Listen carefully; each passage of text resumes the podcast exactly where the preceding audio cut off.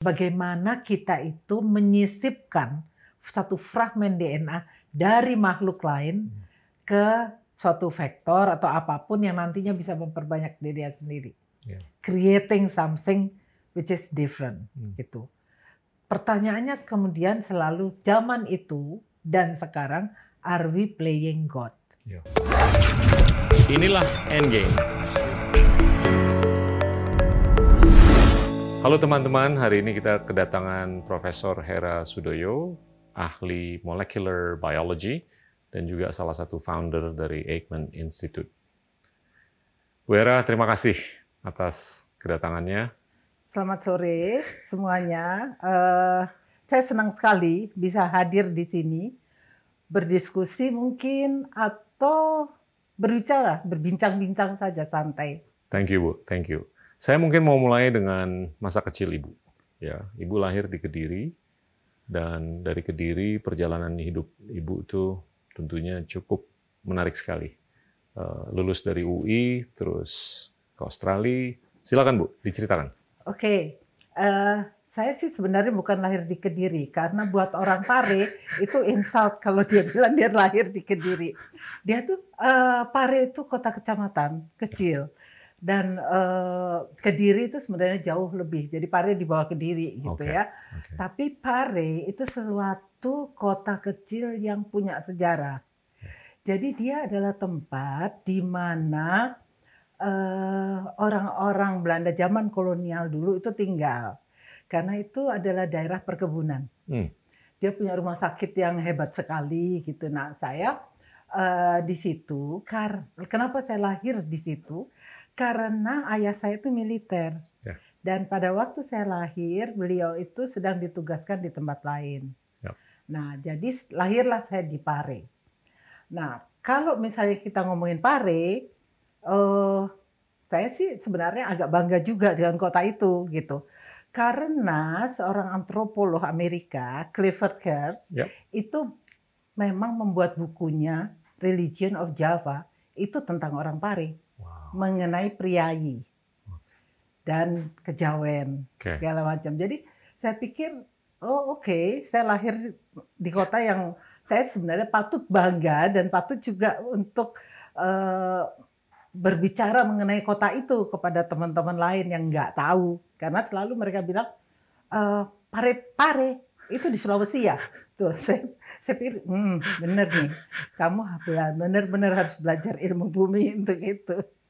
Gitu. Nah, oke. Pindah. Ke Jakarta kapan, Bu? Nah, eh, setelah itu kemudian kami pindah, ayah saya membawa kami ke Bandung. Oke. Dari Bandung eh, baru ke Jakarta. Oke. Dan di Jakarta pas saya sekolah di sekolah Katolik. Ya. Karena pada saat itu memang Pindah karena penugasan di TNI. Pindah karena penugasan. Oke, siap. Jadi ya Oke. sebagai seorang istri militer, ibu saya ya ikut aja ke mana pun Ya. ayah saya pergi. Oke. Ya kita juga ikut-ikut ya, terpaksa ya, gitu. Jadi eh, itu. Nah kemudian saya dari eh, tentunya ya SMA, saya sekolahnya SMA 4. Siap. Kenapa? Gitu dari sekolah Katolik yang disiplin dan segala macam, kemudian saya masuk ke SMA 4 sekolah negeri. Ya walaupun dia cukup terkenal, karena saya berpikir bahwa di situ di sekolah itu eh, bagus berhasil atau tidaknya seseorang itu terletak pada diri sendiri. Oke. Kalau di sekolah Katolik kita betul-betul diajar disiplin, Betul. diajar semuanya bagaimana me- efisiensi waktu, cara belajar dan sebagainya. Nah, saya pikir kalau saya terus-terusan di sekolah Katolik ini yang penuh dengan disiplin, saya nggak akan survive waktu saya Hmm. mahasiswa. Gitu karena kan saya tidak terbiasa dengan belajar sendiri. Iya. Gitu. Jadi saya mengatakan pada orang tua saya, oke, saya mau masuk sekolah negeri. Kaget mereka karena Wow. eh, ya tentu agak berbeda Hmm. semuanya budayanya pun berbeda gitu tapi ya oke lah gitu jadi it- itu ceritanya Eh, semua tuh keputusan sendiri Wow. gitu Kapan, Bu, mulai tertarik dengan kedokteran? nah eh, sebenarnya kalau ditanya jujur ya Hmm. jujur eh, saya tuh sukanya pengennya tuh sekolahnya di Bandung Hmm. Eh, saya pengen menjadi seorang arsitek Oke.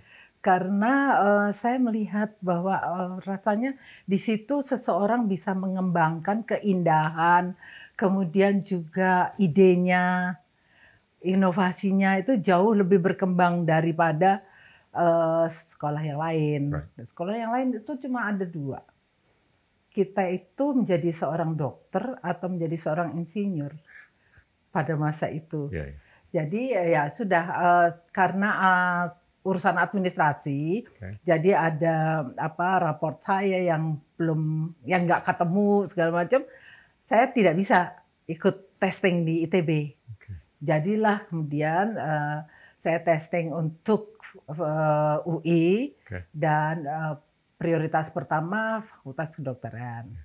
Tapi sementara itu yang saya lihat sebenarnya adalah uh, ini apa Institut Lanskap dari Trisakti. Okay. Saya juga tertarik di situ. Okay. Kemudian Institut Tekstil di Bandung. Okay.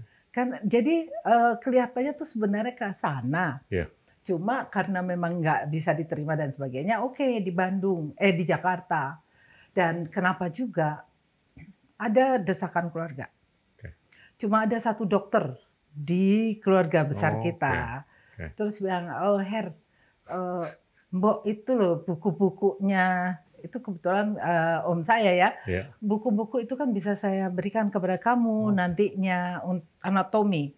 Yeah. Itu uh, buku yang udah menjadi kayak bible dari uh, anak-anak fakultas kedokteran. Yeah. Itu import zaman dulu hmm. dan banyaklah buku-buku lain gitu yang zaman dulu tuh susah sekali. Nah, itu uh, ceritanya. Kemudian ya akhirnya saya diterima di Fakultas Kedokteran. Uh, lulus dari situ. Luar biasa.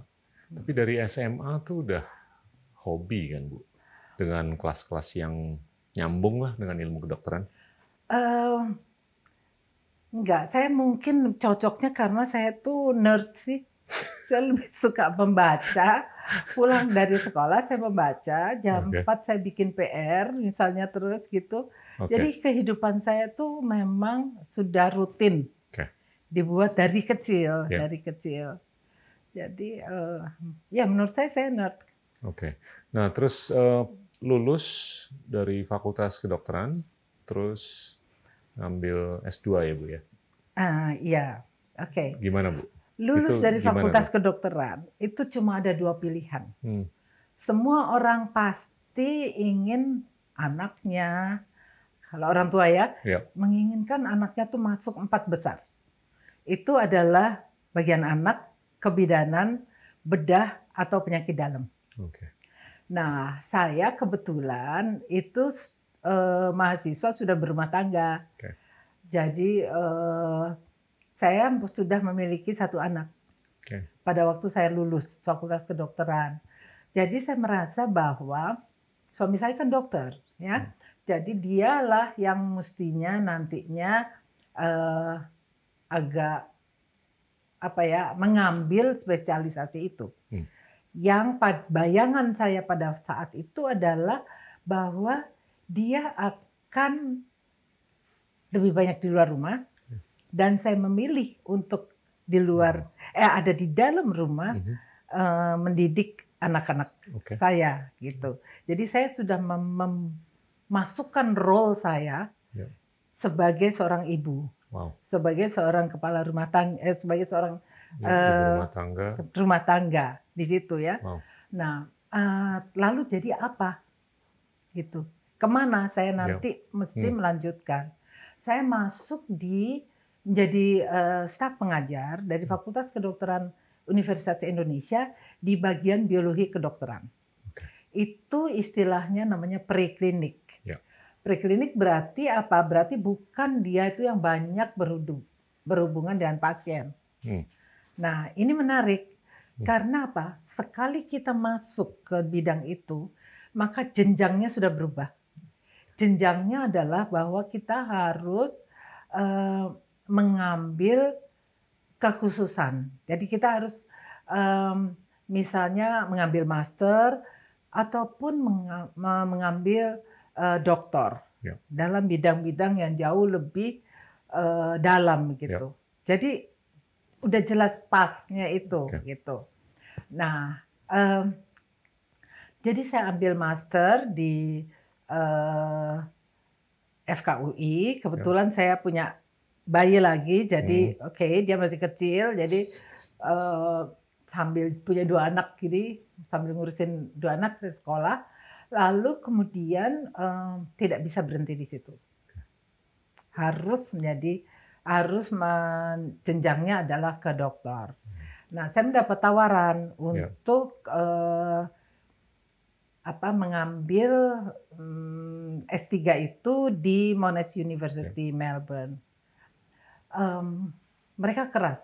Saya adalah satu generasi pertama dari Indonesia mahasiswa Asia yeah. yang diterima di Department of Biochemistry Monash University. Yeah. Nah, jadi di tahun 70-an atau 80-an? Tahun 85. Oke. Okay. Jadi saya dan teman-teman yang hmm. Indonesia ini adalah kelinci percobaan. Ya. Kalau kita berhasil, itu akan terbuka untuk Indonesia. Kalau kami tidak berhasil, itu akan tutup karena wow. mereka uh, sangat kompetitif, ya. gitu ya. Ya beda lah, gitu Sekolah kan. bagus. Uh -uh. Hmm. Jadi uh, oke. Okay, uh, pada sebenarnya enam bulan pertama dari sekolah itu keluarga tidak boleh dibawa. Hmm. Nah, tapi ternyata bahwa tidak adanya keluarga atau anak-anak ya. maksudnya itu justru bukan suatu hal yang positif. Kalau buat saya. Ya, stres karena, juga ya nggak ada keluarga. Karena tanggung jawab ya. saya tadi sebagai ibu tadi saya lepaskan kan. Ya akhirnya dengan setelah melihat bahwa saya sudah uh, beradaptasi dengan ya. lingkungan baru dan sebagainya, maka anak saya boleh saya bawa pada ya. waktu uh, tiga bulan malah. Hmm. Jadi dua anak saya ikut saya. Nah hmm. di situlah uh, bagaimana uh, seorang ibu, ya. seorang ya semuanya dilakukan lah, sopir, uh, masak semuanya itu uh, tapi masih juga bekerja itu harus saya lakukan wow. sebagai single mother gitu wow. selama lima tahun. Wow. Gitu.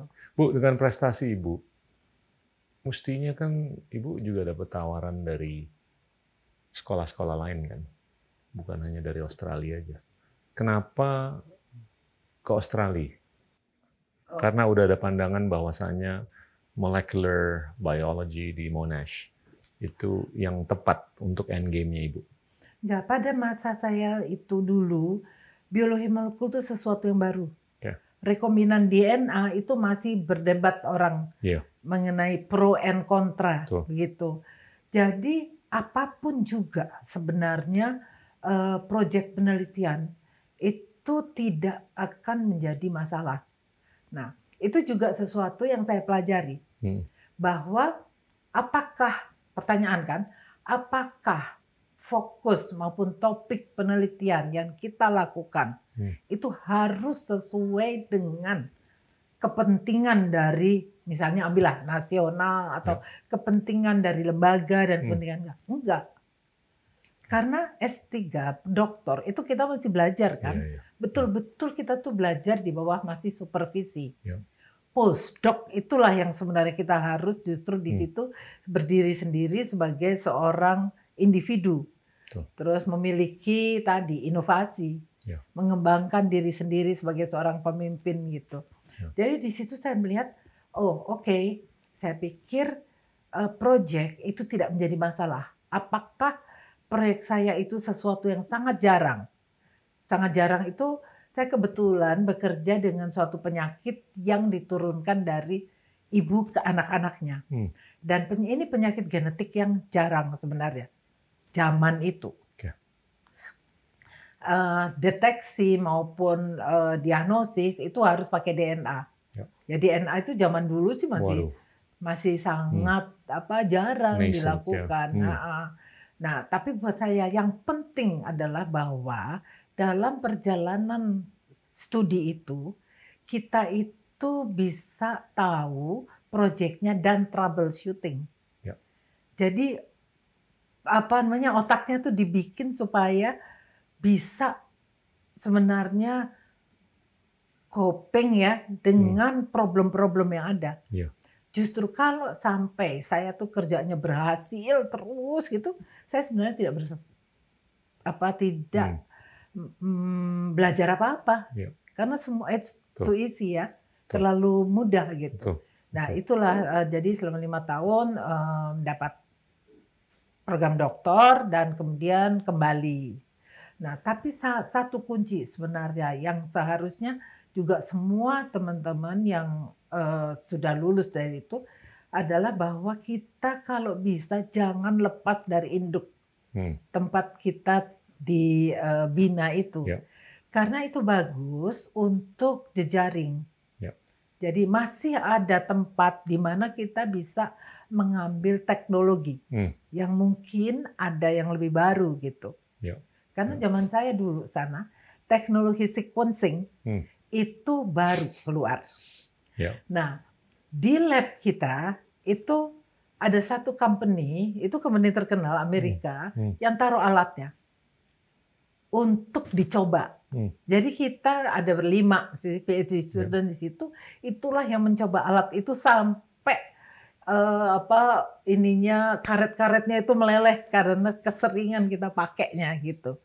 Nah di situ jadi ada alat kita coba dulu. Ya. Jadi kita, kita termasuk yang developing the method, the technology yang dipakai dunia gitu loh. Berlima ini. Ah, ah, Wow. Ya, Jadi saya kira pengalaman-pengalaman seperti itulah yang Iya, iya. menempa ya seseorang untuk bisa menjadi matang gitu loh. Iya. Iya. Curiosity saya, kenapa Australia? Karena semestinya tahun 80-an itu kan tempat-tempat atau negara lain itu juga Oke, cukup itu kan canggih lah. Amerika Hmm. ya. Amerika sistemnya itu sekolah dulu, terus baru research. Ya. Australia Commonwealth Hmm. itu by Langsung. research langsung. Wow. Itu ya. Hmm. Terus kedua, saya memang mencari eh, negara universitas yang menggunakan bahasa Inggris. Karena kalau saya menggunakan bahasa lain, itu kan berarti double burden tuh. Ya. Saya mesti masuk di dalam suatu lingkungan dan pekerjaan yang baru sama Ya. sekali. Lalu kedua, saya masih menyesuaikan dengan bahasanya Ya. gitu. Jadi memang saya meng- me- mengambil Australia itu juga salah satu pertimbangannya itu. Ya. Pertimbangan yang lain adalah bahwa scouting tadi. Ya. Jadi Monash Department of Biochemistry itu eh, punya Prof. Sanggup Marzuki Mhm. yang sebenarnya lulusan FKUI tapi kemudian tenor dia di sana. Jadi sudah diangkat menjadi staf Oke. tetap. Nah, beliau selama itu memang selalu dengan mahasiswa Australia. Terus pada suatu saat di mana dia merasa bahwa oke, saya udah cukup di dengan eh, student-student Australia ini dan eh, bagaimana mengembalikannya ke Indonesia Ya. gitu. Jadi itulah dia scouting di Thailand karena dia pernah juga eh, sekolah di Thailand kan, terus sama scouting di Indonesia Oke. gitu. Jadi Dan saya Ibu dan bersama beliau jadi foundernya. iya, Aikman. iya. Ya. Oke. Cerita Bu mengenai Aikman. Nah, oke. I mean, you're legendary. Bisa nge-trace peristiwa tahun 2004. Ya kan? Tapi Iya. itu it's one of many lah yang Ibu lakukan. Jadi eh, bagaimana kita mengembangkan suatu lembaga penelitian yang mendukung bioteknologi Indonesia. Ya. Nah, sebenarnya itu datangnya itu bukan bottom up Hmm. saja. Itu top down. Karena apa? Karena pada saat itu adalah era di mana bioteknologi menjadi prioritas nasional. Nah, prioritas nasional itu tidak bisa dibangun mendadak. Hmm. Jadi bioteknologi terus tiba-tiba orang bikin vaksin. Nggak bisa kalau know-how-nya itu tidak ada. Ya. Nah, itu yang kekurangan kita di Indonesia. Bahwa basic research atau eh, riset dasar itu sangat-sangat lemah. Nah, dan itu disadari. Pada waktu itu Menristek adalah B.J. Habibie.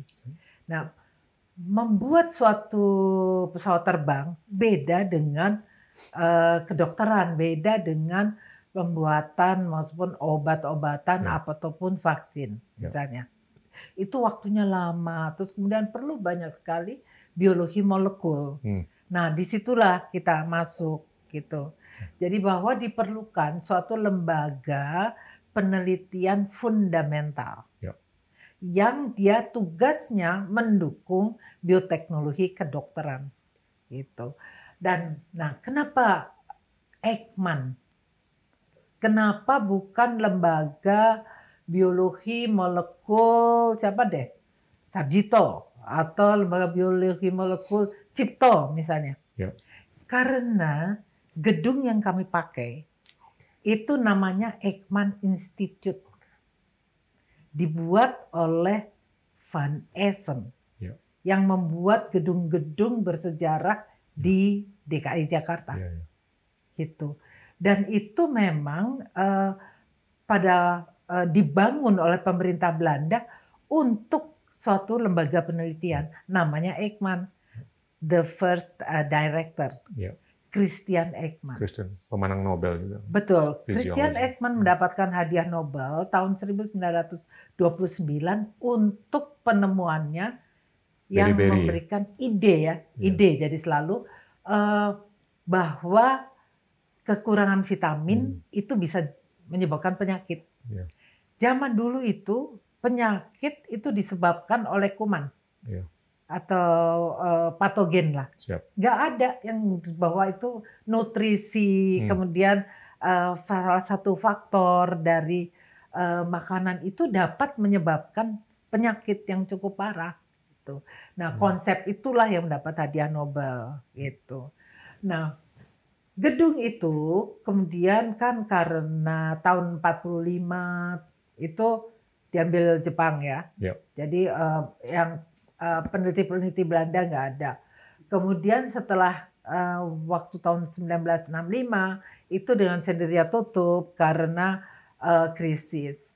Eh, setelah itu jadi apa? Dia jadi bagian Hmm. dari eh, dipakai oleh oleh eh, Rumah Sakit Cipto Mangunkusumo pada waktu itu sebagai suatu laboratorium bakteriologi.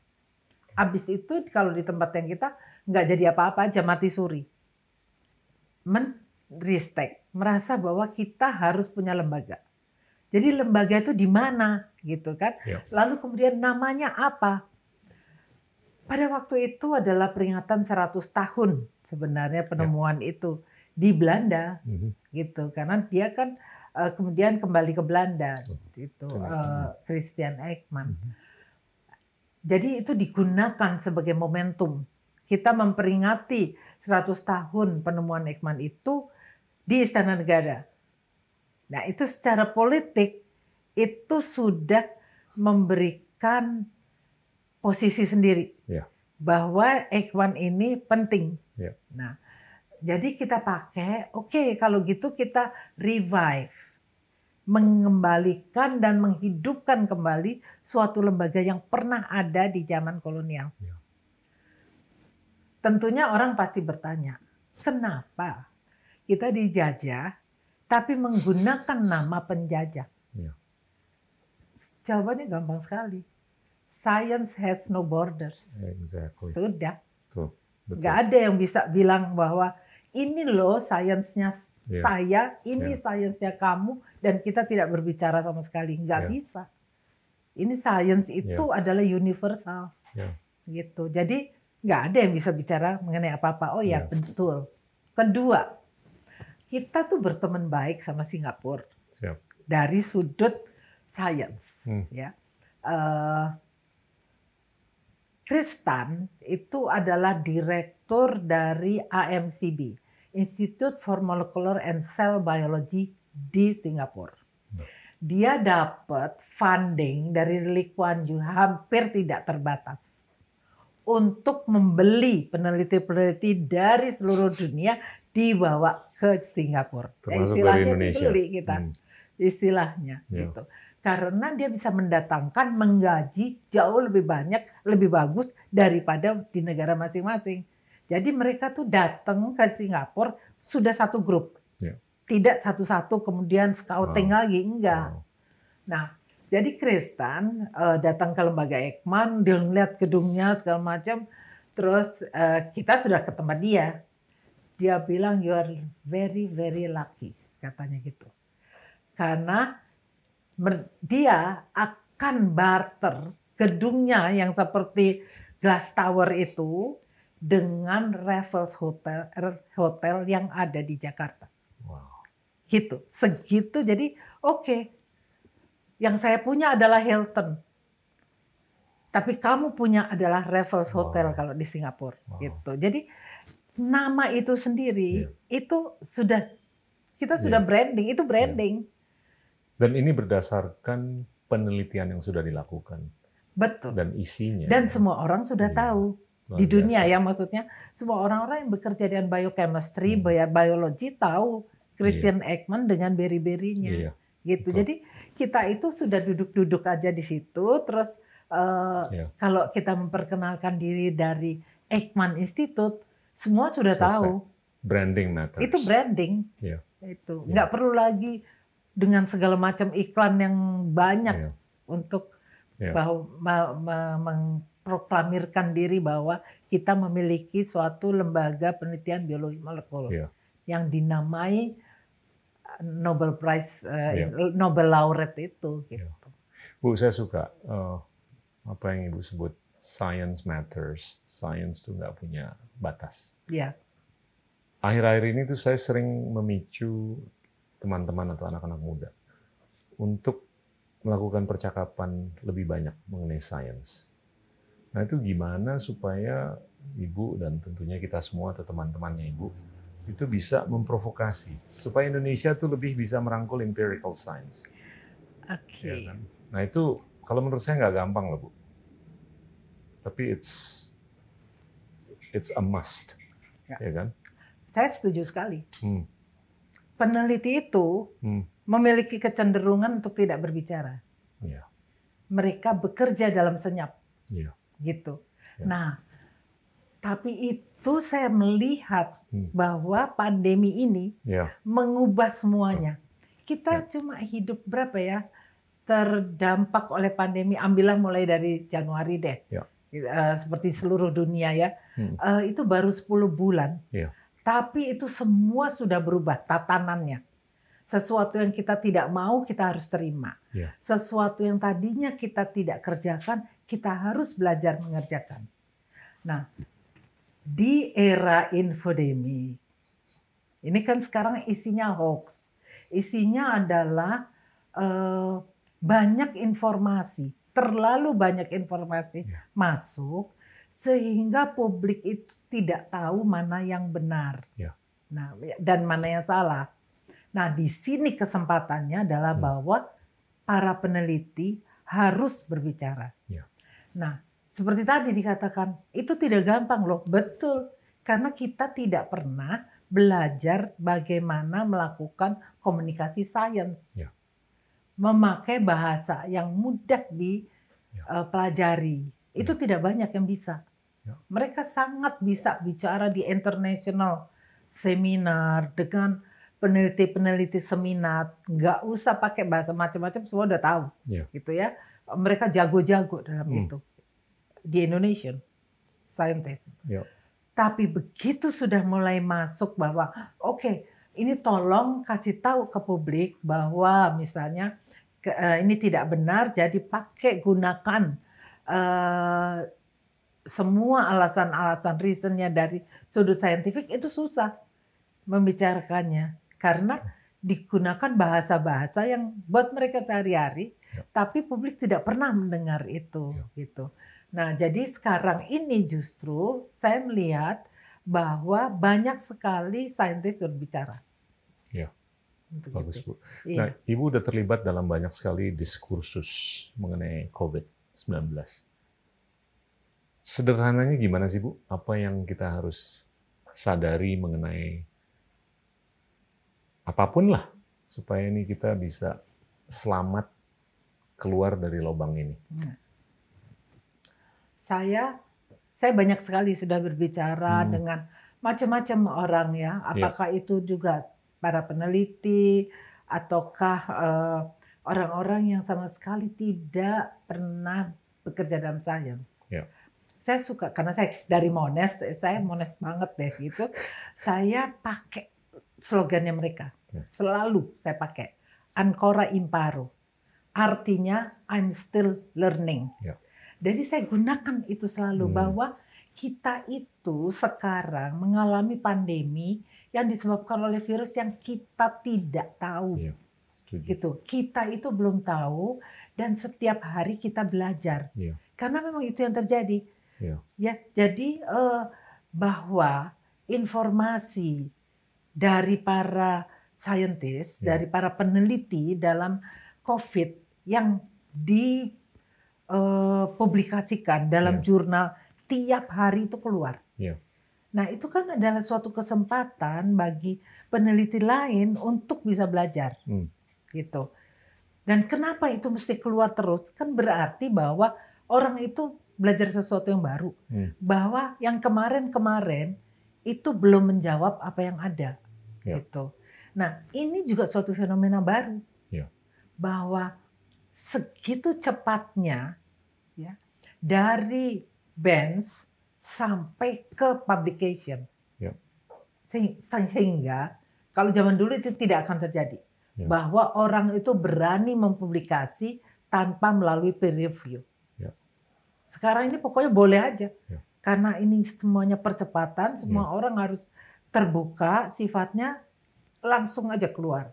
Nanti kalau misalnya kemudian mereka melakukan misalnya tadinya menggunakan sampel yang sedikit Hmm. atau atau metode yang mungkin masih terbatas, selama dia melakukannya kemudian dia mendapatkan hal yang baru, ini di retract Hmm. paper yang lama ini. Oke. Kemudian ditulis yang baru lagi. Jadi dinamika dari para peneliti, apakah mereka bekerja ataukah mereka menulis, itu berubah semua. Ya. Ini Ya. benar-benar suatu keadaan yang mengubah kita semua sih. Bu, kalau kita lihat spektrum, ini yang the best case scenario, ini yang the worst case scenario untuk Indonesia. Itu best case scenario-nya kayak gimana, Bu? Dan worst case scenario-nya kayak gimana untuk Indonesia atau untuk dunia dalam konteks COVID-19 atau penanganannya? Penanganan COVID-19 itu Ya. sebenarnya memerlukan suatu eh, apa ya? Itu bukan koordinasi lagi, tetapi bahwa seluruhnya harus ikut serta. Seluruh ikut serta itu berarti apa? Masyarakat harus ikut serta dalam eh, penanganan ini. Dari sudut mana? Tentu mereka mungkin tidak memiliki pengetahuan-pengetahuan yang sulit-sulit, tetapi bahwa mereka harus melakukan beberapa hal Hmm. yang berhubungan dengan bagaimana mencegah penyebaran. Hmm. Itu yang justru harus Ya. eh, mereka lakukan tanpa keikutsertakan masyarakat. Bohong aja semuanya. Nggak mungkin ini bisa terselesaikan. Ya. Gitu.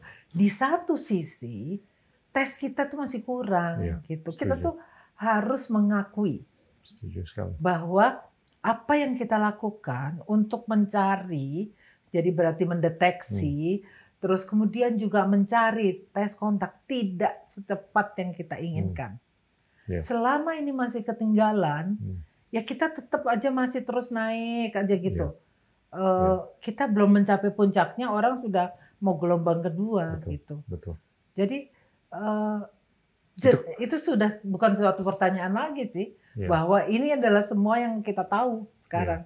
Nah, gimana caranya itu? Hmm. Nah, itu yang sebenarnya yang harus kita pikirkan atau Iya, iya. harus kita tanggulangi sudah nggak bisa dipikir-pikir lagi ya. Kita udah tahu sebenarnya semuanya. Nah, Hmm. tapi tapi sekarang kalau misalnya tadi-tadinya itu itu berupa instruksi. Seolah-olah bahwa publik itu tidak mengerti atau tidak mencari Ya. sumber-sumber supaya dia mengerti. Ya. Apa alasannya kita menjaga jarak satu meter?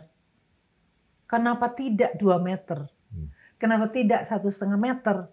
Ya. Nah itu semuanya sebenarnya ada Ya. ada penelitiannya. Iya.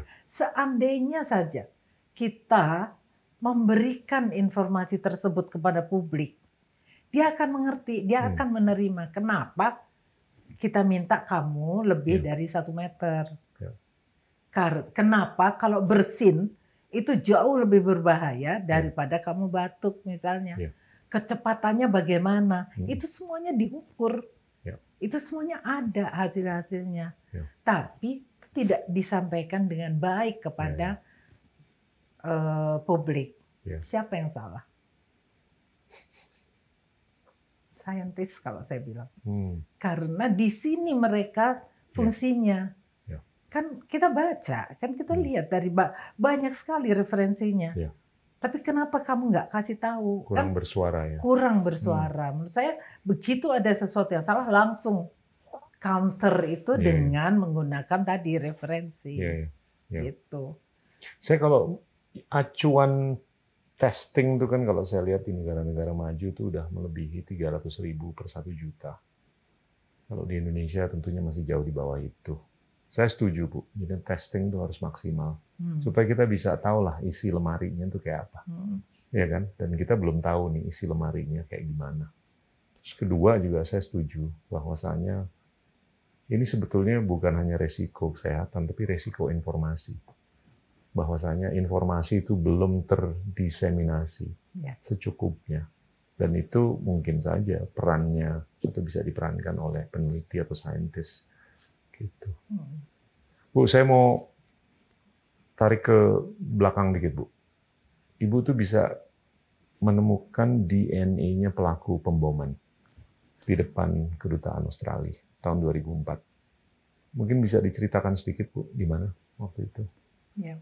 Em, Oke, orang sering bertanya, Hmm. gitu. Mana sih hasilmu Hmm. melakukan penelitian dasar itu? Apa sih penelitian dasar? Ya. Apa kita perlu? Atau "Eh, saya nggak ngerti ah, eh, buat apa kamu lakukan itu? Hmm. Seperti nggak napak di bumi. Itu adalah semua komentar-komentar yang dilakukan pada waktu kami melakukan studi menggunakan satu marka populasi untuk melihat populasi, untuk melihat tadi penyakit-penyakit yang jarang gitu. Jadi kita sudah biasa lakukan uh, studi dengan menggunakan namanya DNA mitokondria. Itu DNA yang diturunkan dari ibu ke anak-anaknya. Ya. Berarti kalau misalnya uh, Mas Gita itu sama DNA mitokondrianya dengan ibunya. Dan semua saudara sama. Nah, ibu punya DNA mitokondria yang sama dengan saudara-saudaranya. Ya. Tapi saudara yang laki tidak menurunkan Ya. ke anak-anaknya. Tetap dari istrinya. Hmm. Gitu. Jadi itu. Nah, Ya. itu bisa digunakan untuk melihat sebenarnya migrasi dari pihak perempuan. Mitochondrial Eve. Oke. Gitu. Jadi kita sudah biasa lakukan itu. Ya. Nah, DNA ini banyak sekali ada di sel. Hmm. Di sel manusia. Jadi kalau misalnya sel kita satu sel, itu kan intinya satu. Ya. Tapi mitokondrianya banyak. Ya. Di DNA-nya lebih banyak lagi. Ya. Nah, kasus peledakan ini, bom bunuh diri, gitu kan? Tentu eh, teman-teman dari Polri ingin tahu siapa sih eh, terdakwanya atau terduga lah, terduga dari pelaku bom bunuh diri ini. Karena bomnya cukup besar, diletakkan di belakang, Ya. jadi dia itu ada suatu trajektori. Hmm. Karena terlalu dekat, maka semua jaringan tubuh dari pelaku itu hangus Ya. dan hancur berkeping-keping. Tidak ada lagi yang utuh. Nah, untuk identifikasi itu kan standar. Biasanya jari, Hmm. terus gigi. Ya, tapi kalau gigi di Indonesia susah karena mereka sering Ya. eh, dokter giginya pindah-pindah. Ya. Nah, terus yang ketiga tuh DNA, gitu. Nah, Eh, teman-teman Polri itu kan punya mitranya itu Australian Federal Police yang paling dekat. Ya. Tapi membutuhkan waktu yang lama di situ. Jadi mereka ingin yang sesuatu yang cepat. Gitu. Oke, jadi mereka minta tolong lembaga Ekman apakah bisa berkolaborasi bekerja sama untuk mengidentifikasi. Kita pakai DNA mitokondria Hmm. karena jaringannya terbakar habis. Kalau ada pun misalnya yang kita bisa dapatkan itu hanya misalnya kelihatan eh, darah yang bercak saja. Hmm. Jadi kita mengambil apa pun juga yang ada deh Hmm. di di lapangan Di di tempat daerah di daerah tempat itu dari gedung yang ber apa tujuh tingkat dan sebagainya itu karena itu ter- tersebar luas Hmm. begitu dan kita lakukan ternyata dari sekian banyak jadi kan banyak sekali Mhm. kita hanya mengambil sebagian saja semuanya mempunyai DNA yang sama artinya apa artinya kan berarti satu orang Ya. gitu sementara itu teman-teman dari Polri kan sudah tahu beberapa sel yang ada di Jawa ini Ya. yang bertanggung jawab untuk terorisme. Hmm. Jadi mereka mencari pembanding. Ya. Siapa pembandingnya? Ya kedua orang tuanya kan. Oke. Kedua orang tuanya yang paling bagus adalah ada ibunya. Ya. Harus ada ibunya dulu. Atau kalau enggak yang saudara-saudara dia Hmm. gitu. Tapi ini tidak. Jadi semuanya udah sama. Oke. Terus kemudian kita men- mencari membandingkan dengan beberapa pasangan dari berbagai macam sel. Jawa Barat, Jawa Tengah dan sebagainya lah. Kita jadi tahu semuanya tuh eh, bagaimana pola eh, mereka bergerak gitu. Karena kita kan berdiskusi untuk Ya. ini. So, jadi eh, setelah itu kita tahu kita mendapatkan kedua orang tua eh apa ibunya itu yang persis sama DNA-nya dengan pelaku bom bunuh diri. Yakin sudah. Tapi pertanyaannya adalah ini kalau keluarga ini punya empat anak, Hmm. kita tidak ta- tahu sebenarnya siapa yang mana. Karena kan semuanya sama Iya, iya. itu kakak beradik semua sama Iya. DNA-nya. Hmm. Jadi kita tetap harus lakukan yang namanya untuk melihat DNA inti, kromosomal DNA. Hmm. Itu seorang anak seperti saya, itu DNA saya, DNA saya akan setengah dari bapak, setengah dari ibu. Hmm. Betul-betul begitu. Nah, itulah kemudian dicari. Eh, jadi kedua orang tua dan mereka dapat Hmm. gitu. Berapa lama, Bu? prosesnya? 13 hari. 13 hari. 13 hari Wow. itu suatu terobosan. Itu betul-betul Wow, suatu biasa. ini. Iya, Sampai ketahuan siapanya atau sampai, sampai orangnya ketangkep? ketahuan siapanya. Oh, maksudnya sorry bukan ketangkep tapi Eh, ketahuan sudah. siapanya. Oke. Mm-mm, Wow. Iya. Yang paling cepet di mana, Bu? Gak ada biasanya mereka. Nah, gini Di beda. tempat lain ada nggak? Timur Tengah Hmm. itu mereka begitu ada peledakan langsung kan ada yang klaim. Iya. Beda kalau di Indonesia. Oke. Itu belum di. Tidak ada yang klaim. Iya, Ini iya. dari kelompok mana gitu. Iya, iya, Sehingga polisi dibikin harus mereka harus cari sendiri. Hmm. gitu. Beda beda sekali dengan Timur Tengah, dengan eh, Jepang misalnya, Iya, iya. dengan eh, UK. Iya. Ya. Bu ada satu lagi omongan Ibu mengenai bahwasanya orang Indonesia tuh nggak ada asal usulnya. Iya kan? Ah. Itu itu untuk lebih mendukung teori bahwasanya kita tuh diverse. Iya kan? Hmm. Itu saya saya coba sambungkan ke pemikiran orang bahwa memang kita nih hasil dari evolusi kan. Eh, kalau kita mengacu ke omongannya Aristotle, itu sebetulnya manusia itu adalah carrier informasi genetika, ya kan, Hmm. yang diturunkan dari siapa pun lah sebelum kita. Hmm.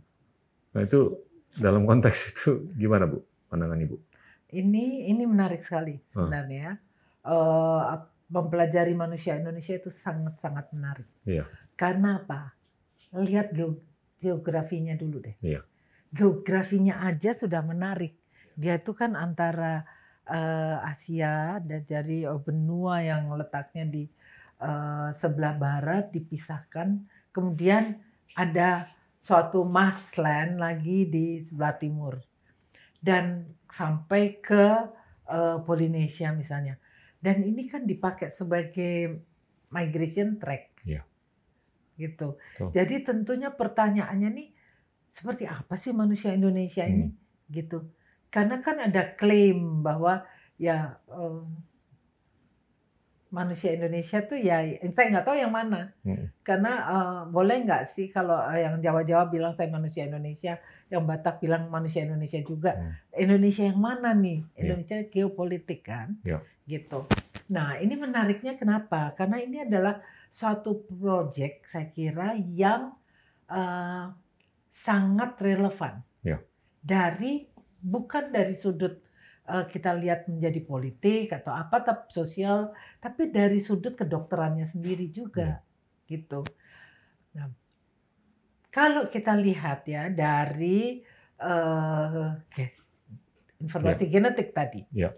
jadi kita menggunakan macam-macam marka populasi yang genetik aja, Hmm. tidak. Kalau kami biasanya melakukan eh, studi itu eh, menyeluruh, holistik. Ya. Jadi kita ambil bahasanya, kita lihat sosial budayanya, Ya. gitu. Kita lihat arsitektur dari rumah-rumahnya, karena dari rumahnya saja kita sudah dapat melihat pengaruh mana ini ada. Apakah pengaruh out of Afrika Hmm. atau pengaruh dari mereka-mereka yang berbahasa Austronesia. Jadi Hmm. yang kita pakai bahasanya sekarang. Hmm. Nah, Indonesia itu mengalami perubahan empat kali. Hmm. Jadi ada empat migrasi yang eh, mempengaruhi apa yang disebut manusia Indonesia. Migrasi pertama itu out of Africa. Ya. Itu migrasi dari asalnya di sana eh, sekitar 160 sampai 200 ribu tahun yang Ya. lalu.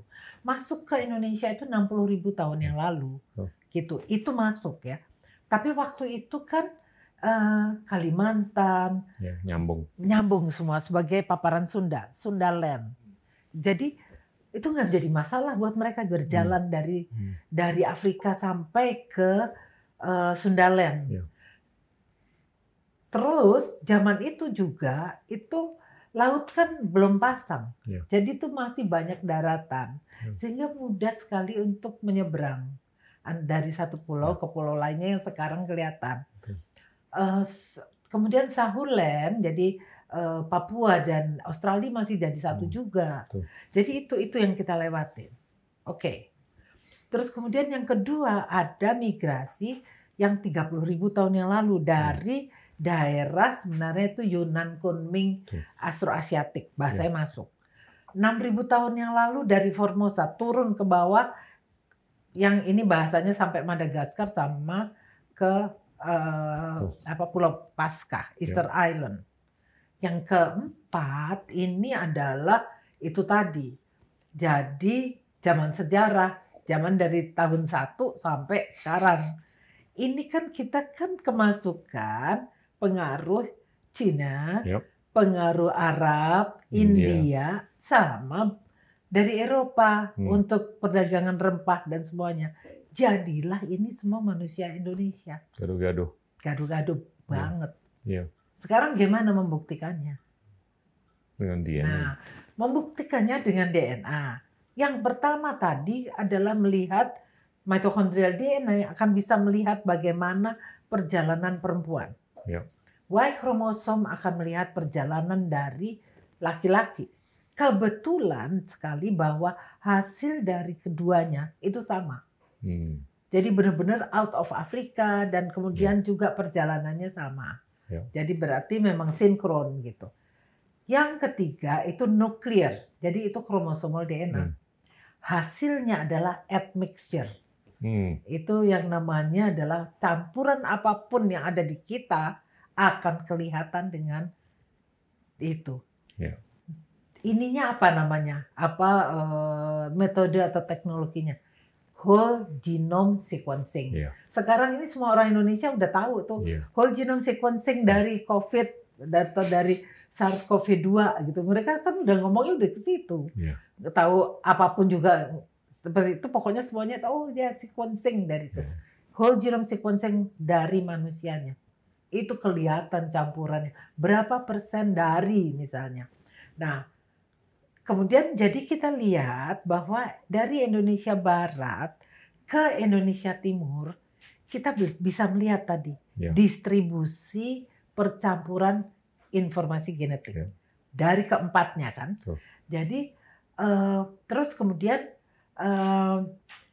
begitu sampai di Sumba itu mulai naik yang Papua, Ya. yang jadi out of Africa, the Hmm. first migration keluar di situ makin lama makin banyak sampai ke Papua. Ya. Sedangkan kalau yang di Indonesia Barat Hmm. lebih banyak Astroasiatik, Hmm. berarti yang 30 ribu tahun yang Ya. lalu. Itu yang bahasanya Mer, eh, Khmer, Ya. Mong Khmer dan sebagainya Hmm. tadi, sama dengan Birma dan sebagainya. Nah, jadi itu sebenarnya yang membuat kita jadi Indonesia, Menarik, gitu. menarik. Siapa yang bisa bilang bahwa saya itu murni Indonesia? Karena dari Iya. eh, Kita migran semua. Batak sampai ke sana itu porsi kita itu berbeda, Iya, gitu. iya. Bu, saya mau push lebih ini lagi, Bu. Ya. Kalau ngomong mengenai genome sequence, itu kan intinya ensiklopedia dari informasi genetika. Hmm. Ini kan ada 21 sampai 23 ribu genes Hmm. di Ya. sel. Kalau saya baca, ini banyak sekali sekarang praktek di berbagai laboratorium di negara-negara maju dan juga beberapa negara berkembang untuk melakukan edit terhadap genome sequence. Nah, ini kan bisa dibilang evolusi yang diakselerasi, ya kan, oleh kita sendiri. Hmm. Ya percaya nggak percaya kalau baca itu kita bisa sih theoretically kalau mau naikin IQ atau mau ninggin badan atau mau membuahkan kelainan supaya transportasi oksigen itu supaya lebih banyak supaya kita bisa jadi pelari yang ulung. Nah itu gimana sih pandangan Ibu untuk melakukan cut and paste atau editing terhadap genome sequence kita? Em, Oke, kalau saya boleh ya sebenarnya kembali ke teknologi sebelumnya. Ya. Ambil pada waktu eh, rekayasa genetika baru diperkenalkan. Siap. Itu sama dengan genome editing sekarang kan. Hmm. Jadi ada bagaimana kita itu menyisipkan satu fragmen DNA dari makhluk lain Hmm. ke suatu vektor atau apa pun yang nantinya bisa memperbanyak diri sendiri. Ya. Creating something which is different Hmm. gitu. Pertanyaannya kemudian selalu zaman itu dan sekarang are we playing God? Ya. Gitu. Nah, eh, rekombinan DNA zaman dulu itu masih lebih kompleks Hmm. daripada apa yang namanya genome editing sekarang. Hmm. Genome editing itu sangat-sangat mudah, makanya jadi kemudian dan itu juga suatu terobosan di mana kita itu bisa melakukan terapi. Tadi misalnya kita memiliki eh, talasemia deh, itu suatu penyakit genetika sel darah merah yang menyebabkan eh, pasien-pasiennya itu anemia. Dan itu suatu hal yang terus berkepanjangan lah, Ya. progresif eh, sampai suatu saat seluruh eh, terjadi pokoknya eh, karena dia mendapatkan transfusi terus menerus, jadi ada deposit eh, besi. Tidak pakai deposit besi, kita bisa kelate, pakai kelate Hmm. diikat kemudian dikeluarkan. Tapi ini suatu saat pokoknya akan berhenti di situ. Hmm. Nah, sekarang kita bisa mengambil eh, informasi genetiknya, memotong dan memasukkan yang bar, yang normal lah Ya. gitu. Sama dengan proses yang dulu sama dengan rekombinan DNA Hmm. bahwa faktor etik Ya. legal itu justru di sini besarnya Ya. ininya pentingnya Ya. Ja- karena kita bisa melakukan apa saja Betul. jujur gitu Ya. dengan eh, semua teknologi ini kita bisa lakukan Tapi gini loh Bu, proses evolusi ini kan terdisrupsi atau terpengaruhi oleh fenomena yang alamiah Hmm, ataupun yang dilakukan kita sendiri, hmm, ya kan? Iya. Nah sekarang saya lagi berpikir gimana kalau sekarang ini banyak negara-negara maju sudah melakukan hacking terhadap generic code hmm. mereka untuk kepentingan mereka untuk bisa lebih pinter, lebih maju, lebih apa pun lah. Iya. Nah itu kita akan semakin tertinggal kan, atau ketinggalan. Nah, How, how do you deal with? Ini sangat dilematis loh Ya. menurut saya. eh, ya betul. Tapi sekali lagi dikata, di sekali lagi bahwa faktor LC ya, etik and legal itu masih tetap kuat, Oke, sangat-sangat kuat, oke, sehingga ada konsekuensi-konsekuensi Ya. bagi peneliti yang melakukannya. Ya. Kan beberapa sudah ketahuan kan melakukan. Kita boleh lakukan itu, tapi jangan dilakukan pada sel-sel yang kemudian nanti diturunkan Ya. kepada generasi mendatang. Berarti kan akan mengubah tatanan generasi tersebut. Nah, saya tidak tahu ini sampai seberapa lamanya ya kita bisa bertahan eh, bahwa manusia itu masih mempunyai etika. Karena kalau udah nggak ada lagi semuanya itu ya Waduh. ini udah jungle, ini udah Hmm. udah di luar dari kekuasaan lagi semuanya. Nah, kalau ditanya itu pertanyaannya apakah Indonesia kemudian akan ketinggalan kalau melakukannya? Sekali lagi ini kan etik. Jadi dari sudut teknologi tidak Indonesia tidak akan ketinggalan.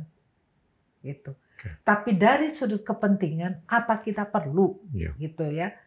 Kalau untuk terapi di mana memang eh, tidak ada itu tidak ada eh, cara lain. Hmm. Terapi gen yang biasa yang kita cobakan udah bertahun-tahun itu tidak berhasil. Ini adalah suatu terobosan, Ya. gitu.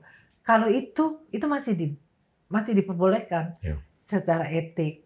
Nah, di dunia kedokteran tidak seperti di dunia lain misalnya itu kita itu ada komisi etik. Ya.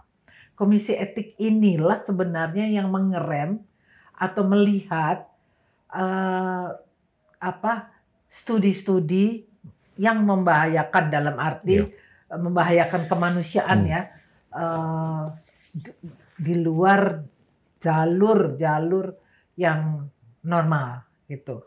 Nah, kalau dia tidak lulus etik Ya. dan kemudian misalnya tetap melakukannya, konsekuensinya itu ya bisa dikeluarkan, di itu kan secara tidak hormat dan semuanya itu disiarkan di dalam komunitas Hmm. ilmiah.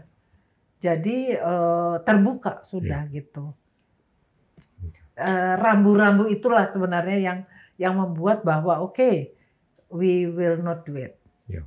Gitu.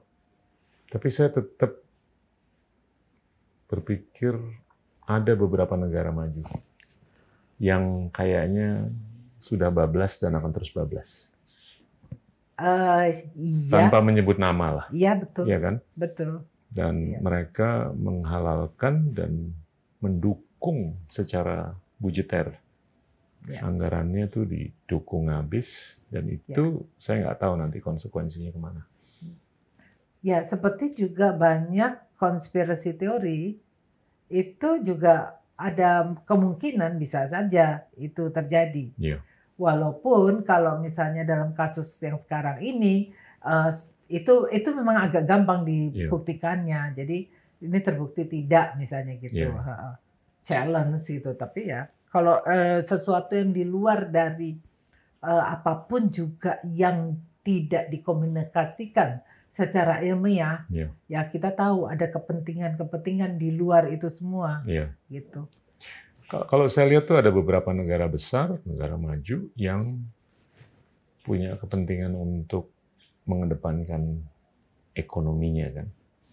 Dan itu dua pendekatan yang mereka lakukan. Satu, gimana mereka bisa memberdayakan artificial intelligence hmm. supaya mereka lebih maju secara ekonomi. Dua, gimana mereka bisa memberdayakan synthetic biology.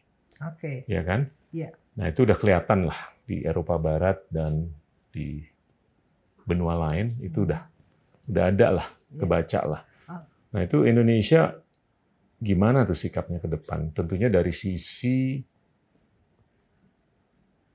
postur kebijakan dan dari sisi praktek di lapangan. Synthetic biology, genome editing, uh, rekombinan DNA, semuanya mempunyai dua, dua sisi. Yeah. Itu seperti pisau bermata dua. Yeah.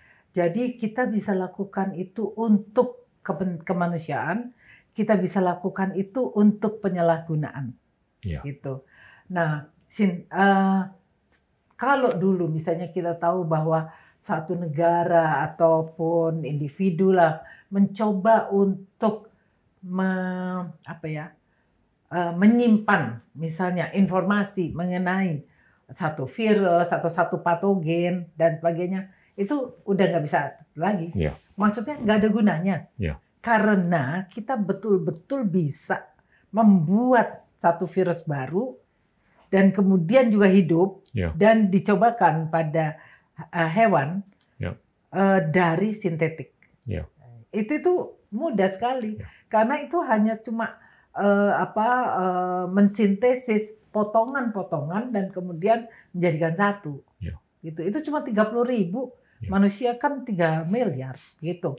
Jadi ini ini semua teknologi harus ada. Yeah. Indonesia juga ada kok genome editing juga ada gitu ya. misalnya. Jadi sekarang sekarang ini kita itu memang sudah dalam era tadi semua teknologi terbarukan dan itu cepat sekali. Iya. Jadi kita tuh nggak bisa lepas hmm. bahwa genomic, artificial intelligence, terus penggunaan tadi semuanya berarti apa? Kedokteran kita nggak bisa lagi kayak Dulu. zaman kemarin. Betul. Ini semua telemedicine Betul. dan segala macam itu semua semuanya serba jauh. Ya. Itu sudah harus dilakukan. Ya. Dan pandemik ini adalah mempercepat semuanya itu menjadi terjadi. Ya. Sesuatu yang kita tidak atau kita sebenarnya tahu tapi tidak mau mengantisipasi. Ya, ya kan? Ya. Kita uh, genomik pada waktu kita bicara mengenai genomik bahwa itu penting sekali untuk kedokteran presisi, tidak ada yang mendengar. Kita kayak kecepatan gitu hmm. hidupnya. Bahwa ini adalah era yang baru. Yeah. Kita itu me memberikan atau uh, terapi, pengobatan, mencegah dan sebagainya berdasarkan individu per individu. Yeah. Gitu. Negara lain sudah punya data-data itu. Yeah Ya. data itu, data klinis semuanya sehingga mereka itu cepat sekali bisa bereaksi. Ya. Ya. Kita akan ketinggalan kalau kita tidak melakukannya Setuju. gitu. Nah, sekarang semuanya harus ke situ. Ya. Mau nggak mau. Mau nggak mau. Gitu. Sekarang mau nggak mau. Ya. Dan sekarang sudah mulai gitu. Jadi uh, kalau kita bicara bahwa nggak ada cara lain, kedokteran presisi harus di situ. Ya. Uh, bagaimana menyikapi terhadap obat-obat yang nggak bisa lagi berdasarkan tiga kali satu ya sama semuanya nggak bisa lagi yeah. gitu itu semua sekarang yang sedang diperkenalkan kembali maupun juga kemudian ya kita coba untuk memulai uh, kegiatan tersebut di Indonesia. Ya. Gitu. Bu, ibu dijuluki sebagai gene hunter, ya kan? nah itu Coba deh Bu, di, diceritakan kepentingan Ibu untuk meng, apa ya, mendirikan data mengenai genome sequence-nya untuk seluruh populasi di Indonesia. Itu ya. apa sih Bu kepentingannya? Nah, lembaga Eijkman itu adalah suatu lembaga penelitian yang bergerak dalam bidang kedokteran. Ya dari dulu pun kita sudah tahu bahwa manusia Indonesia itu sangat beragam.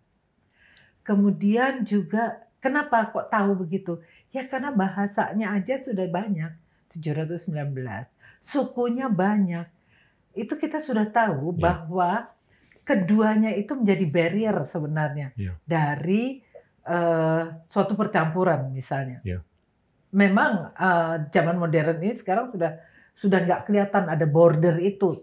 Tapi pada waktu saya memulai eh, kegiatan ini di pulau-pulau yang masih terpencil, yang Ya. sekarang lagi hit gitu, Hmm. itu kelihatan sekali bahwa dari satu oh, pemang- pengguna bahasa dengan yang lain-lain itu sudah berbeda. Ya. Pakaiannya berbeda, Hmm. budayanya berbeda. Jadi kita tahu gitu bahwa oke kita sekarang memasuki daerah bahasa apalah karena Ya. Atang bahasa itu dengan dari lihat dari pakaiannya, lihat dari tiba-tiba rumahnya berubah gitu. Kita udah bisa tahu. Ya. Nah sekarang kan nggak ada.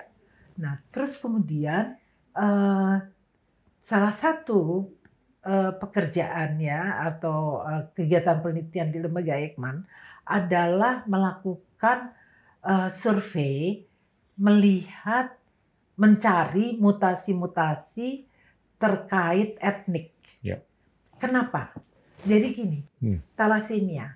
Pada waktu kita memulai talasemia itu kan kita dapatnya dari eh, literatur. Ya. Kita terus kemudian mencoba untuk mendesain bagaimana metode diagnostiknya. Gak dapet. Gak Hmm. dapet. Oke. Terus pasien-pasien juga misalnya eh, datang segala macam. Jadi pasien thalassemia itu kalau mau berobat, mau diagnosis itu mesti pergi ke luar negeri, ke mana-mana. Mau ke Singapura, ke Amerika dan sebagainya. Tapi biasanya yang ketahuan adalah bahwa mereka itu eh, gejala klinik thalassemia, jadi di terapi dengan thalassemia, tapi tidak ketahuan mutasinya di mana. Jadi itu yang kita lakukan. Kita kita pergi eh, ke berbagai macam eh, populasi etnik dan melihat me- melihat mutasi-mutasi apa yang spesifik di situ. Dari situ kita punya peta. Ya. Nah, ini penyakit diturunkan dari kedua orang tua. Ya. Jadi kalau keduanya carrier, maka anaknya seperempat Ya. itu akan menderita thalassemia mayor yang Ya. harus di eh, transfusi. Oke. Itu berat sekali untuk keluarga, baik dari sudut em, eh, apa ekonomi maupun dari sudut eh, ini ya sosialnya. Nah, jadi se- ternyata kita itu kan bisa melihat spesifik mutasinya. Ya. Jadi sekarang pertanyaannya, kalau ada pasangan yang ingin memiliki anak dan dia takut bahwa anak keduanya itu biasanya kan anak pertama Iya. sudah sakit, dia takut untuk mendapat anak kedua, kita tanya, kamu asalnya dari mana? Hmm. Jadi kalau dia orang Bugis, kemudian satunya lagi mungkin istrinya orang Sunda, ya kita lihat mutasi spesifik Bugis, kita lihat mutasi spesifik Sunda. Biasanya ketemu. Nah dari situlah kemudian kita bisa melakukan apa yang namanya prenatal diagnosis Oke. Dan bisa dilakukan pencegahan. dan dilakukan. Nah, Oke. sekalian dengan itu dari situ kita menyadari kalau gitu ini kelihatannya bahwa etnik yang ada atau populasi kita yang beragam ini akan memberikan kepada kita juga gambaran penyakit yang beragam. Ya. Virus yang beragam juga tergantung dari hostnya. Ya. Nah, di situlah kemudian kita saya, saya melak- dan tim melakukan tadi studi seluruh populasi di Indonesia gitu. Tujuannya apa? Kalau kita jadi lebih besar lagi karena kita kan genomik. Ya. Jadi kami akan bisa sebenarnya melihat eh, bagaimana ke ini hubungan reaksi dari etnik tersebut terhadap obat. Ada obat-obat yang diberikan kalau pada orang-orang Mentawai Hmm. menyebabkan mereka itu dapat eh, bereaksi eh, namanya Stephen Johnson syndrome. Itu adalah suatu suatu reaksi obat yang sangat-sangat keras sekali. Jadi dia akan timbul gelembung-gelembung di Hmm. kulitnya dan biasanya kemudian sepsis. Sepsis itu berarti adalah infeksi seluruh tubuhnya dan Hmm. sulit, sulit sekali untuk ditanggulangi. Itu itu sangat-sangat berat. Ya. Nah, jadi dengan Mapping genomic in mapping ini Iya. kita akan memberikan kehati-hatian tadi. Iya, iya, Ini hati-hati loh ini iya, iya. kelompok ini ini sangat sensitif terhadap pemberian obat Iya, iya. tertentu. Gitu. Lebih diagnostik lah. Si- Sifat preventif, preventif, diagnostik dan preventif, bukan rekayasa kan. bukan. Iya, iya. Iya. Bagus. Jadi perginya ke situ. Siap. Gitu. Siap. Farmakogenomik itu tadi Siap. karena berhubungan dengan obat. Apakah kalau diberikan obat itu akan overdosis, tidak overdosis, Iya, iya. ataukah dosisnya harus lebih tinggi? Jadi nantinya personal medicine Ya. karena obatnya udah spesifik gitu. Bu, saya mau bicara mengenai masa depan. Ibu ngelihat ke depan nih Indonesia sampai tahun 2045. Perannya Eijkman itu gimana dan perannya Genomics itu gimana untuk memajukan bangsa? Eh, kita punya sudah jadi ke depan itu sampai sampai jadi apa sih kita? Pad- eh, semuanya perginya akan ke omics omics Ya. nantinya. Dan jelas sekali bahwa itu sudah jelas sekali sekarang ini aja dalam waktu 10 bulan ini kami memulai sesuatu yang tadinya dari manual sampai robotik Wow. dalam waktu 10 itu. wow. Sama-sama berkompetisi di dunia untuk mendapatkan alat-alat tersebut. Hmm. Jadi kita sudah sejajar dalam arti eh, memiliki, menguasai teknologi dan sebagainya. Ke depannya itu nggak ada lagi kedokteran presisi. Ke depannya mungkin kita akan punya kartu eh, KTP Ya. yang isinya adalah informasi kita. Itu sebenarnya yang dilakukan oleh negara-negara yang kecil sudah melakukannya. Ya. Jadi seluruh populasinya dia scan semuanya, survei, kemudian dari situ ketahuan dia resisten Wow. terhadap apa, dia sensitif terhadap apa. Hereditary disease-nya apa Iya. aja? Jadi, oke, yang paling menyebabkan eh, mahal segala macam, cancer, eh, heart disease, diabetes, lifestyle diseases itu semua bisa dicegah. Ya. Ya kan? Kita udah tahu, kita udah eh, tipe orang seperti apa kita ini Ya. dan semuanya itu udah dijaga gitu dari awal. Ya. Makannya, hidupnya segala macam. Ya, saya nggak tahu mau jadi kayak apa tuh orang itu nanti ya. Karena begitu kayak kayak cetakannya begini, kamu ini salah cetak terus nah ini ini segala macam, kan dia mesti ngikuti semuanya itu. Bu, Jadi- gimana Bu? Mapping atau apa yang Ibu lakukan itu bisa berkorelasi dengan penyikapan terhadap stunting, diabetes yang sangat common sekali di Indonesia. Karena di dalam eh, informasi yang ada itu, Ya. itu banyak sekali informasi yang berhubungan. Jadi kenapa kita perlu mapping tersebut? Ya. Itu karena kita tahu bahwa penyakit itu bukan disebabkan oleh kelainan tunggal. Ya, Tidak ada konsep itu lagi. Hmm. Konsepnya adalah bahwa satu penyakit itu sifatnya selalu kompleks. Ya. Dipengaruhi oleh banyak macam. Ya. Nah, jadi dengan genomik atau proteomik atau apa yang lain-lainnya itu kita bisa melihat sebenarnya memasukkan kelompok-kelompok tersebut. Jadi diabetes kita tahu disebabkan oleh banyak sekali gen. Ya. Itu dengan sendirinya akan keluar semuanya kan? Ya. Oke, kalau dia tipe yang paling banyak itu adalah tipe 2 Dua. ya.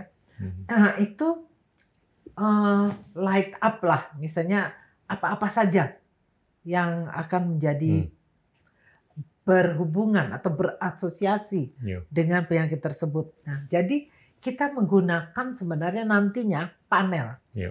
Jadi eh, tiga kali 10 pangkat 9 informasi Hmm. sequence itu tidak akan dipakai total.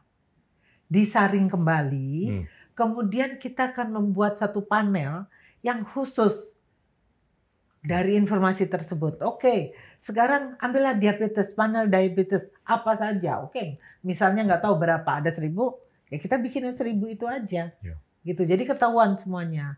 Sekarang panel untuk uh, respons imun, Hmm. karena seperti sekarang ini itu oh, orang coba kasih perbedaan antara mereka yang berat, COVID yang berat, COVID yang ringan, OTG, apa yang menyebabkan perbedaan di antara ketiganya itu. Ya.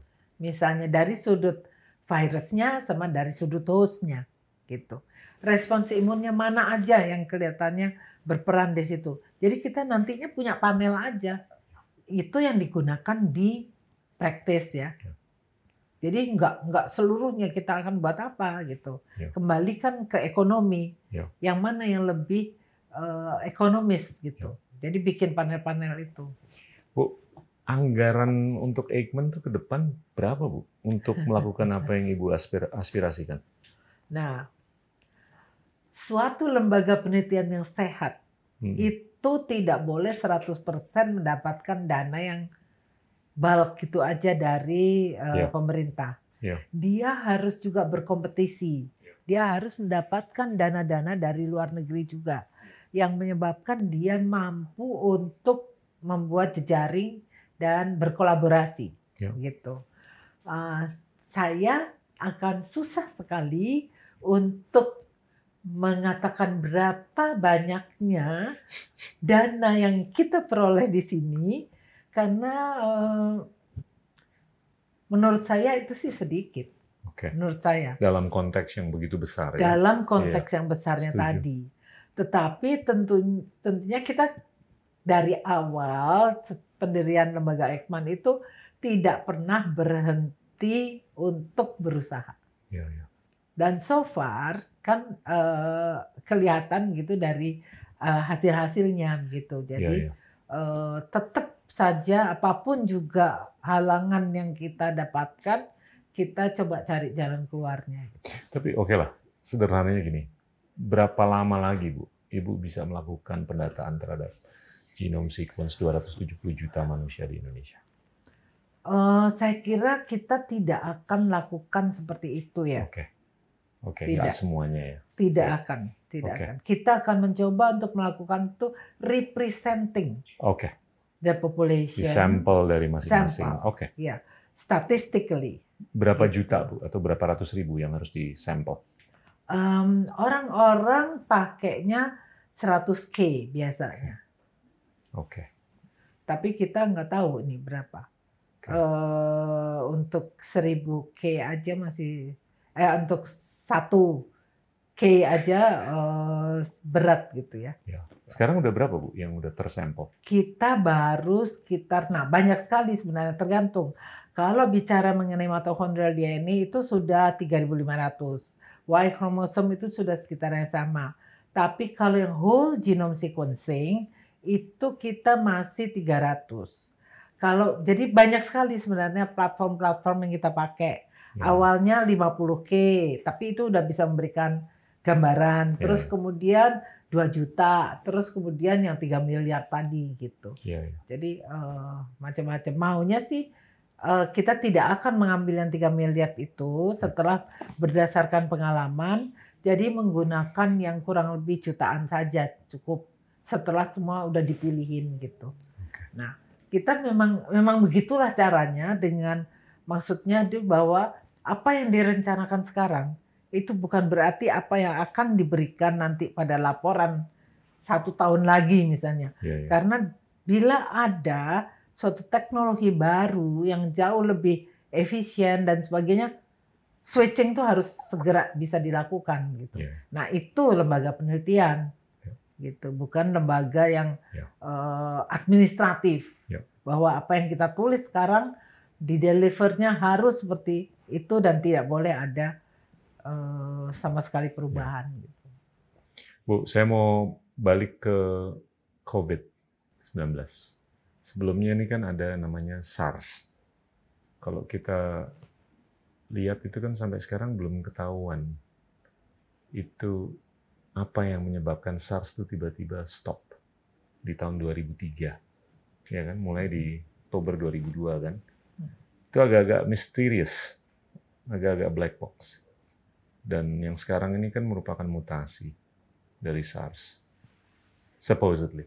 Hmm. Nah, dengan misteri-misteri seperti itu, apa yang Ibu bisa sampaikan yang bisa memberikan optimisme untuk kita bisa melewati episode yang cukup mengkhawatirkan ini? Kalau dari uh, saya akan berbicara dari sisi peneliti. Bagi kami peneliti uh, bahwa kita itu sebenarnya dengan mempelajari virus-virus ini, ya. menganalisa uh, informasi genetiknya, melihat mutasi itu sebenarnya melakukan mitigasi. Okay. Melakukan untuk apa mitigasi itu? Hmm. Siap untuk pandemi yang akan datang. Ya. Okay. Jadi kata-kata yang mungkin tidak akan digunakan oleh uh, pemangku kebijakan, justru itu yang paling penting buat kami bahwa kenapa kita masih terus lakukan studi ini terus karena kita tidak boleh lengah. Ya. Kita justru yang paling kenapa kita lakukan genomik karena kita mempersiapkan untuk bersiap untuk kalau ada pandemi ya. yang lain di masa depan. Sehingga kita itu ready. Ya. Nah, sama seperti apa yang sekarang sebenarnya sedang dibangun di Indonesia kemampuan diagnostik yang tadinya sudah ada untuk uh, avian flu misalnya itu kan hilang ya. Karena uh, karena nggak ada sehingga kita tidak waspada lagi begitu ada pandemik yang cepat sekali ini ini SDM-nya sudah hilang semuanya terus kemudian juga kemampuan diagnostiknya tidak ada jadi perlu kembali ada training dan sebagainya jadi kita tidak siap memang. Gitu. Nah, ini yang justru menurut saya harus menjadi suatu pembelajaran. Keadaannya sama loh sama 100 tahun yang lalu iya, waktu pandemik influenza. Betul. Persis sama. Betul. Gitu. Dulu saya justru, epidemiologi, iya. sekarang molekuler biology. Iya. Justru saya mau tanya apakah problemnya ini akan lebih eksponensial dibandingkan solusinya ya kan penelitian you as a scientist hmm. ibu sebagai peneliti itu kan tentunya melakukan banyak hal lah hmm. untuk supaya bisa mencegah lah the next hmm. pandemic apakah mungkin bisa lebih cepat daripada 100 tahun untuk pandemi berikutnya dengan skala yang kita lihat ya nah uh, agak berbeda ya bahwa sekarang ini banyak sekali faktor eksternal yang berpengaruh, mempengaruhi. Okay. Yang paling penting adalah bagaimana perubahan uh, lingkungan yeah. dan iklim. Ini yang justru Betul. sesuatu yang saya tidak tahu apakah kita sebenarnya bisa mengontrol itu semua atau tidak. Yeah. Karena jarak kita dengan penyakit pada man, uh, hewan terlalu dekat sekarang. Hmm. Dulu kita bisa mengatakan bahwa oh ya kita tidak mungkin kena penyakit itu karena sudah ada batasan-batasannya. Yeah. Tuberkulosis pada manusia akan berbeda dengan tuberkulosis pada hewan. Hmm. Terus kemudian sama virus corona pada hewan tidak mungkin akan ke manusia ya. karena kita berbeda. Jadi kita tuh jauh tempatnya. Uh, apa terenggiling ataupun uh, kelelawar itu beda. Hidupnya tidak sama. Ya. Gitu, tidak berdekatan dengan juga uh, ternak-ternak lain gitu. Hmm. Tapi sekarang ini dengan uh, tadi misalnya uh, saya nggak mau nyalahin hutan, tapi memang hutannya udah nggak ada. Jadi Misalnya saja ya. apa yang terjadi adalah manusia ya. menularkan malaria pada orang hutan. Wow. Orang hutan menularkan malarianya pada manusia. Wow. Bukan orang hutan. Uh, makaka. Jadi eh, monyet ya. Ya. Monyet itu me- menularkan demikian. Wow. Jadi itu su- sudah sedemikian rusaknya semuanya. Ya. Gitu. Nah, jadi eh, tadi bahwa apakah yang dulu kemudian akan menjadi lebih lama akan ada pandemi lagi? Kita kayaknya bisa melihat sendiri sebenarnya. Ya. Apa yang kita sudah lakukan rusak, apa yang kita lakukan itu berakibat pada apa yang kita dapatkan sekarang. Ya. Gitu. Bu, ini menarik sekali, Bu. Saya mau mengakhiri sesi kita ini dengan beberapa pertanyaan. Rapid fire lah, ya kan? Agak-agak berangan-angan lah. Ini saya percaya dengan apa ya penelitian yang ibu lakukan ini bisa memberikan inspirasi pada anak-anak muda di Indonesia untuk lebih belajar mengenai sains. Ibu optimis nggak porsi dari populasi di Indonesia nih yang mau belajar sains itu akan bertambah? Ah, kalau saya, saya kalau dari saya, saya kok optimis ya. Oke, Karena saya ini sekarang sedang dikelilingi oleh anak-anak muda yang Bagus. banyak sekali memperlihatkan minat. Ya. Paling tidak bacaan mereka itu Ya. bermutu bagus, gitu. Nah, bagus. kan kita melihat, oke, saya tidak melihat apa yang ada eh, apa keprihatinan saya dengan apa yang terjadi di tempat-tempat yang terpencil. Ya. Beda, tapi saya melihat lingkungan yang ada di mana sains itu dapat maju. Ya. Gitu. Saya kok melihatnya itu malah justru sekarang ini banyak yang bagus-bagus. Ya. Hanya Nah, sekarang bagaimana kita bisa eh, memberikan kepada mereka tempat maupun Ya. sebenarnya lingkungan yang bisa membuat mereka itu berkarya. Ya. Kan berarti kan. Banyak lembaga penelitian yang bukan sekedar lembaga penelitian Iya, aja, iya. tapi bahwa di situ benar-benar orang itu tidak ber- memikirkan mengenai ekonominya keluarganya deh. Ambillah seperti itu. Sehingga yang dia dapat, yang dia pikirkan adalah pekerjaannya dan karyanya Ya. gitu. Nah, bagaimana kita dapat me- membuat suatu milieu yang seperti itu? Gitu, yang mendukung adanya penelitian itu. Itu. Oke. Pertanyaan kedua, Bu. Mana yang lebih berperan untuk memajukan bangsa Indonesia? Artificial intelligence atau synthetic biology? Untuk memajukannya. Hmm. Ah, bisa artificial intelligence. Ah, synthetic biology itu jauh lebih limited kok penggunaannya. Sangat sangat jauh lebih limited. Kecuali kalau kita mau lewatin pagar-pagar tadi ya. Betul, betul. Yang terakhir nih, Bu. 2045, Bu. 100 tahun Indonesia sudah merdeka. Kira-kira berapa orang Indonesia yang udah menang Nobel dalam sains? Coba kita lihat kembali pada bagaimana para Nobel laureate itu bekerja. Ya. Kembali ke situ. Menghayati bagaimana mereka itu betul-betul memang memberikan seluruh pikirannya untuk sains. Nah, sekarang pertanyaannya adalah dan juga eh, tantangannya kepada kita sendiri, Ya. ada nggak sih orangnya seperti itu? Itu kan berarti generasi Berikut.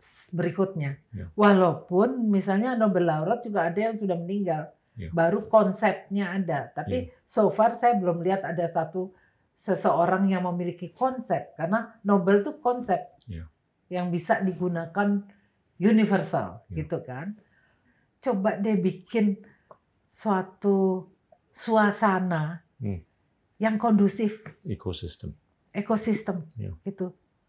Jangan dihubungkan dengan politik sama sekali. Jangan Setuju. biarkan mereka itu melakukan Steril. apa pun, iya. Iya. Tapi komunikasi sains bagus, komunikasi publik bagus. Jadi karena kita kan sudah tahu tuh sebenarnya eh, ke apa keburukan-keburukan atau Iya. negatifnya dari Iya. being a true scientist atau Iya. yang sangat komikal deh. Iya. Seolah-olah kan nggak bergaul, nggak itu semuanya. Iya. Ini jangan. Eh, nerd.